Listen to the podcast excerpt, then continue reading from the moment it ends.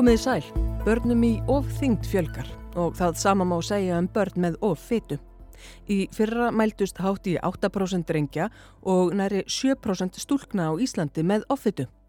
Fleiri leita til lækna vegna kæfisveps, fytulifur og einnkenna sem eru undanfara sigursíki. Þessi þróun er auðvitað ekki sér íslensk. Bandarísku barnalæknasamtökin sendu nýverið frá sér breytt tilmæli um hvernig bregðast skildi við offitu barna. Þau vilja að greipið sér hraðar inni og með dramatískari hætti en áður. Ég heiti Ragnhildur Torlasjus og í þetta helst í dag fjalla ég um ofþyngd og offitu barna.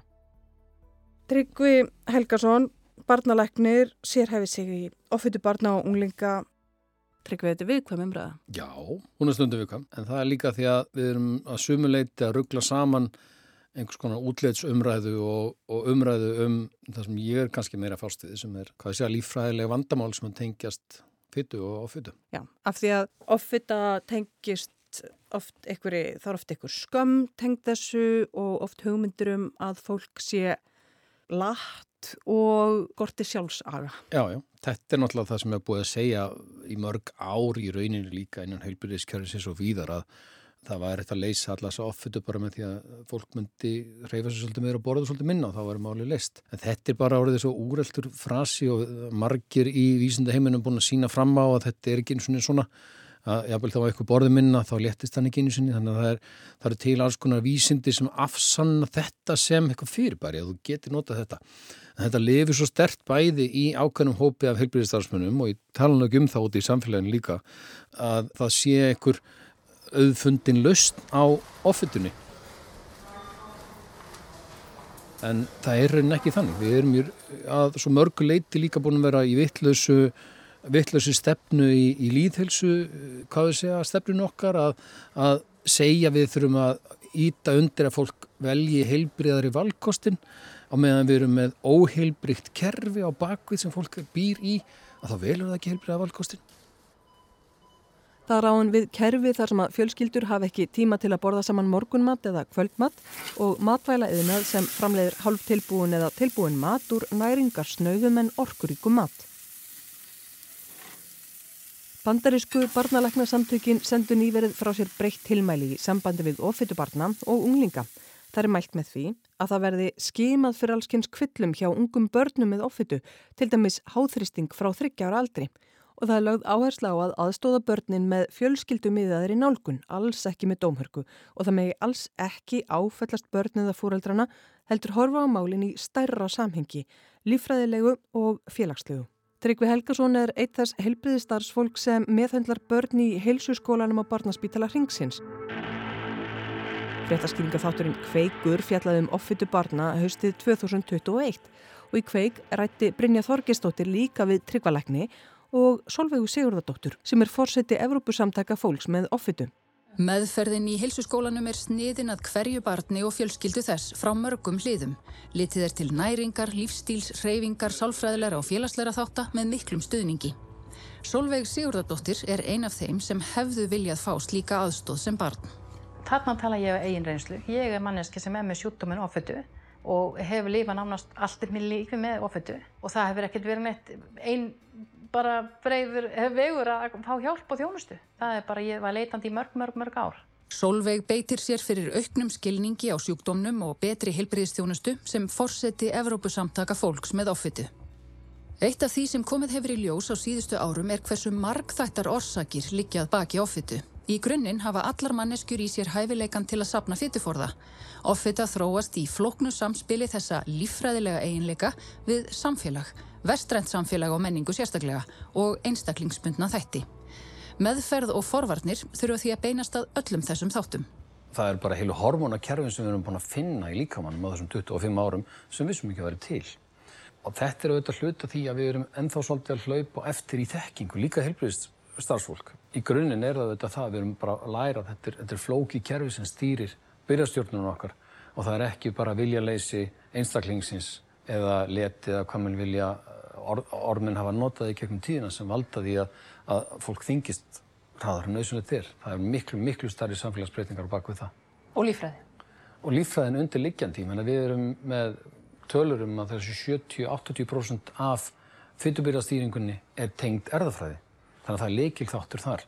Þú ert með hæfileikan í þér að þingjast.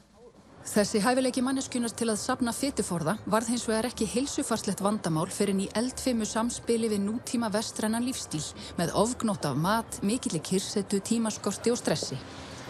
Til viðbótar þá gera ákveðnar aðstæður suma sérstaklega viðkvæma fyrir áhrifum þessa á samt margskonar álægi og áföllum sem fólk getur lendi í. Fyrsta á mér fyrir ég alveg í í álag og fjölskyldu og svefn og allt mögulegt. Það sýnir sig að hérna, þegar eitthvað, breytist í vexti hjá barninu þá er það kannski að, að flytja af einum stað á annan eða þá að verður skilnaður eða döðsfall eða eitthvað svoleiðis uh, áfall í fjölskyldunni. Ef að einhverjum ástæðum er í þeirri stöðum líður ekki vel þá er auðvelt að glæði mann í nokkru sekundum með því að borða. Þetta var úr kveik haustið 2021. Þá mæltust 22,7% barna á höfuborgarsvæðinu yfir kjörþyngt. Þetta helst fekk nýjartölur frá heilsuvernd skólabarna. Það er taka til barna í fyrsta, fjórða, sjönda og níunda bekk. Í fyrra hafði staðan í reynd skánað svo leitið. 22,2% barna á höfuborgarsvæðinu mæltist í fyrra yfir kjörþyngt. Hlutfastlega færri stelpur fjallu í hóp of þungra. Veruleikin er enguða síður sá að línuritið frá 2014 stefnir heilt yfir í eina átt upp á við. Þá fyrir tæpum ára tug mæltust 18,2% barna á höfuborgarsvæðinu yfirþyngd, nú eru þau sem fyrr segir, um 22%. Og þvert á það sem að maður hefði einhvern veginn haldið þá mælast fleiri börn á landsbyðinni en á höfuborgarsvæðinu of þung. Árið 2014 mæltist fjórðungur barna utan höfuborgarsvæðisins og þungur, 25%. Nú er hlutfallið orðið 30%. Þetta er hröðþróun á innan við áratug. Þetta var of þyngt. Hugum að tölfræðum of fytu. Árið 2014 mæltust 4% barna á höfuborgarsvæðinu með of fytu. Nú falla 5,5% barna á höfuborgarsvæðinu í þann hóp. Á landsbyðinni mældust 6,5% barna með offitu árið 2014 og nú, ekki áratug síðar, er hlutfallið orðið rúm 10%.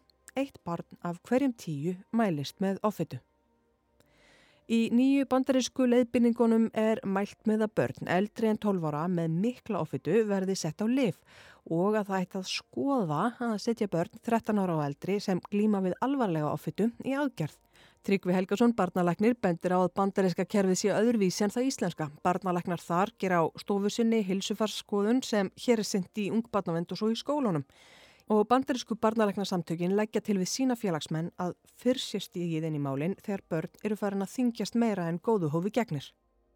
Að því að það er bæði hægt að grýpa inn í fyrr, þar sem við sjáum börnir að þingjast hraðar en þeir þurfa og og síðan eru til sterkari úrraði í dag heldur en voru kannski fyrir 5-10 árun síðan það eru komin líu og aðgjör og fleira sem hægt er að grípa til en það eru þetta bara í undirtekninga tilvökum sem við viljum þurfa að grípa í þau. Hvenar er komið að svoleiðis? Af því það er það sem kannski slæðir fólk svolítið í þessum tilmælum Já. að fara að gefa börnum lif og að börn fari í einhvers konar hjáit og aðgerðir eða hvaða nú er.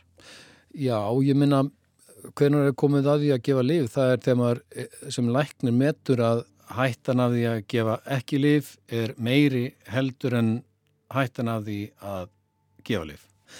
Maður þarf að meta það bara út frá hverjum einstaklingi. Það getur verið svo opbáslega ólíkt. Þú getur verið með einstakling sem er svo svo þungur og tröflanar lítið og svo annar sem er jafn þungur en tröflanar mjög mikið.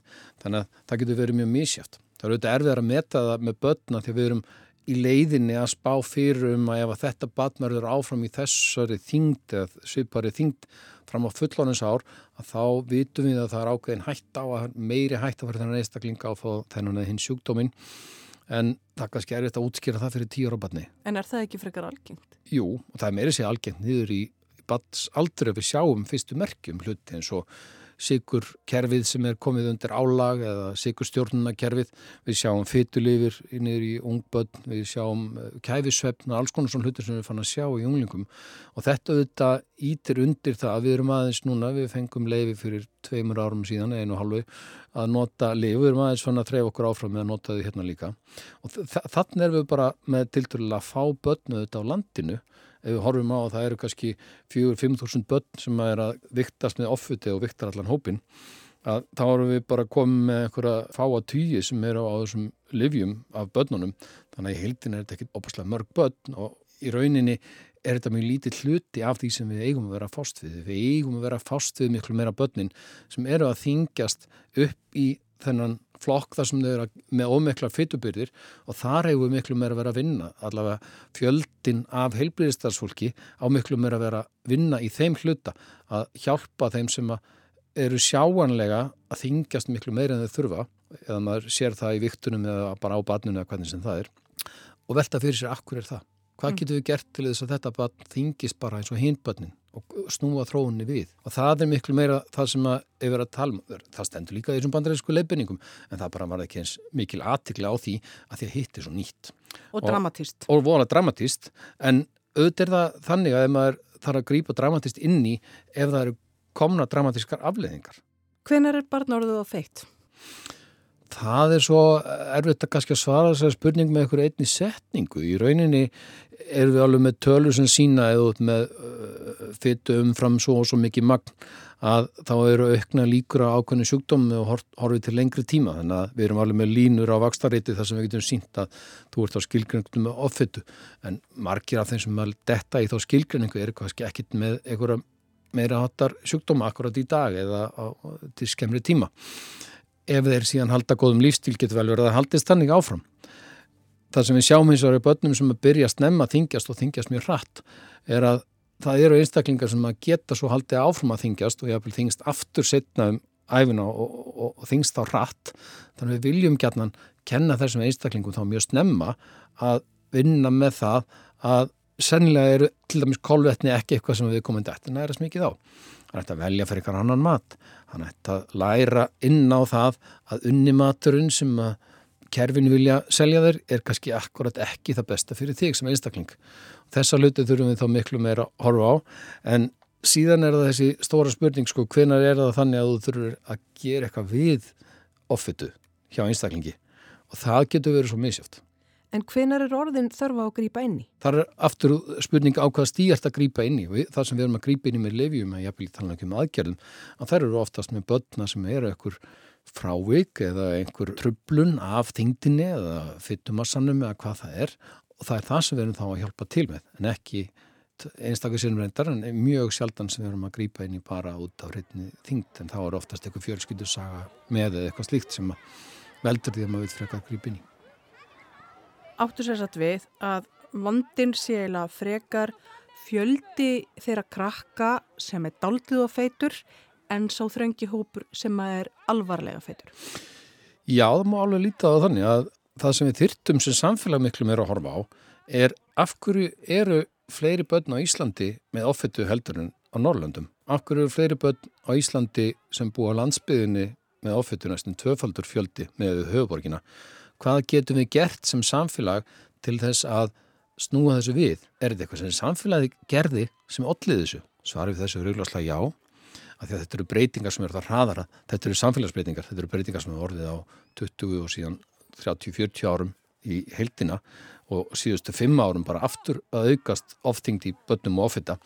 Þannig að það er greinlegt að það er eitthvað sem við erum að gera, við erum að pressa eitthvað samfélagið þannig að börnin og fjölskytundar sem að sjá um þau ná ekki að setjast niður yfir kvöldvaraborðinu, þau ná ekki að borða morgumat, þau sofa og stutt, þau fara ekki öll með nest í skólan, það er öll þessi litlu atriði, þau ná ekki að haldast í íþróttum að því að annarkvæmt er það dýrt eða þá hefur ekki tíma eða samkeppni við e, kyrsetu áþreyinguna í skjánum, það er svo margt og þetta er eitthvað sem við þurfum í rauninni að horfa á í miklu stærri mynd að þessi fjöldi sem er að færast upp í þann flokk að vera með fytubyrði sem þið vantar ekki að hafa með þér út í lífið að þessi fjöldi er það sem við þurfum miklu meira að fara að fást við. Við getum alveg á spítalarum hjálpað eins og segir þessum litla þraunga hópi sem að kannski þarf meðferð við sinni ofittu en, en hitta miklu starra verkefni fyrir heldina Þetta var Tryggvi Helgarsson barnalæknir. Ég heiti Ragnhildur Torlasíus og í þetta helst í dag fjallaði um ofþyngd og offeitu barna og unglinga Eftir að hlusta á þetta helst í spilararúf og öllum helstu laðvarpsveitum, takk fyrir að hlusta, veriði sæl.